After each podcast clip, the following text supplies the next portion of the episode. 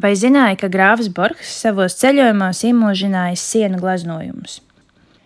Varakļānu muīžas pasūtītājs bija Polijas karalistes lielkanclers Jans Jenžejs Juzefs Borgs.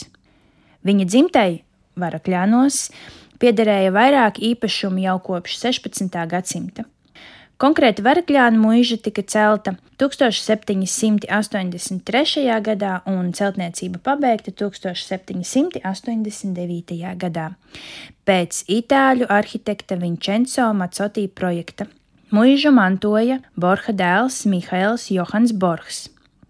Grāfs Mihails Johans Borgs 18. gadsimtā izziņas nolūku vadīts devās uz Sicīliju un Maltu, kur viņš ietekmējās no šī reģiona mākslas.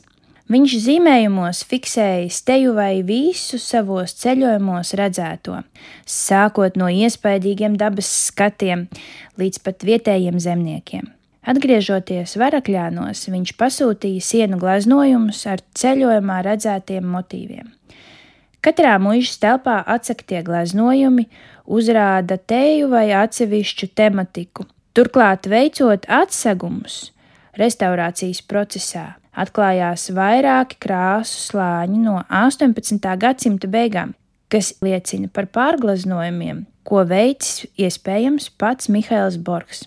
Varakļānu mūžas telpā esošie polihromie jeb daudzkrāsainie supraportu, kas ir ar ornamentu, cilni vai gleznojumu dekorēts laukums virs durvīm, sižeti ir savstarpēji līdzīgi. Pārsvarā tās ir romantiskas kalnu ainavas ar stafāžu.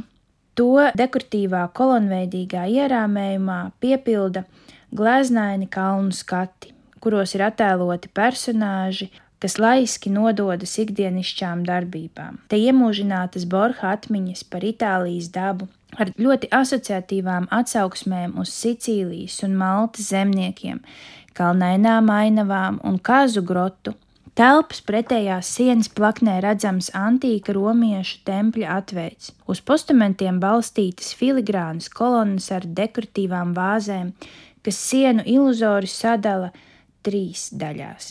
Kompozīcijas vidū ir ziedu ieskauts ziedoklis, kam abās pusēs ir temīda un vesta, tādējādi reprezentējot taisnības un mājas pavarda alegorijas. Zinātniece Aija Taimiņa paudusi uzskatu, ka viens no šiem gleznojumiem varētu būt norāde uz diezgan konkrētu vietu un notikumu jaunā grāfa dzīvē. Tieši 1776. gada 13. decembra agrā rītā viņš uzsāka ceļu uz etnas virsotni. Visiem zināms, ka etnas kalns ir gana sarežģīts un prasa fizisku piepūli pat pieredzējušam ceļotājam. Pēc ļoti grūta pārgājiena pa lavas laukiem, viņš vakarā nonāca pie kazas grotas, kas atradās sniega un lavas lauku robežā. Sienu gleznojumā redzamas kazas un vērotāju skatu punkts nāk no tumšas salas, kam apkārt paveras gaiši lauki.